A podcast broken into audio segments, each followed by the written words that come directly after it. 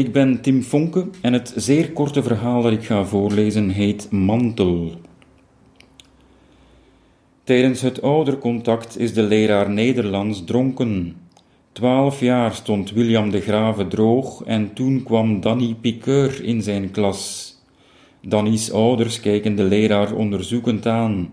Gelukkig consumeert William met precisie hij heeft geleerd om zodanig te drinken dat hij zelf er effect en niemand anders er weet van heeft.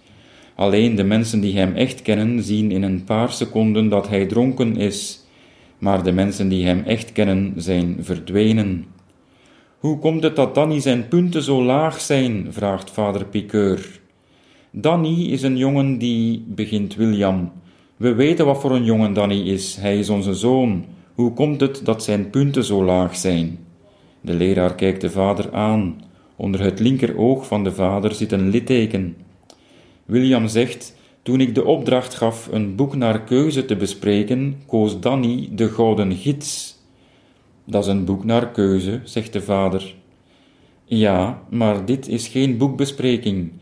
William neemt een blad papier en leest: In de Gouden Gids staan veel telefoonnummers. Ik heb er een paar gebeld, maar iedereen zei dat ik verkeerd verbonden was. Ik heb het boek niet uitgebeld. Danny is to the point, verklaart moeder Piqueur.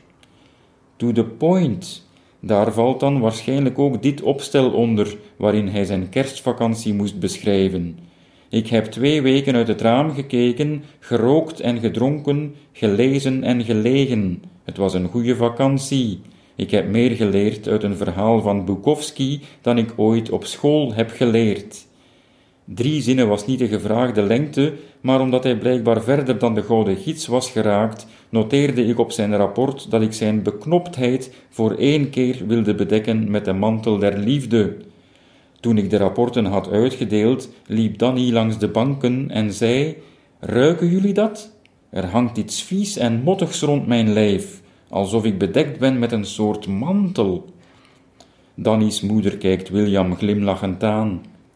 Onze zoon houdt van weinig mensen, meneer de Grave, maar hij houdt van mensen die goed kunnen drinken.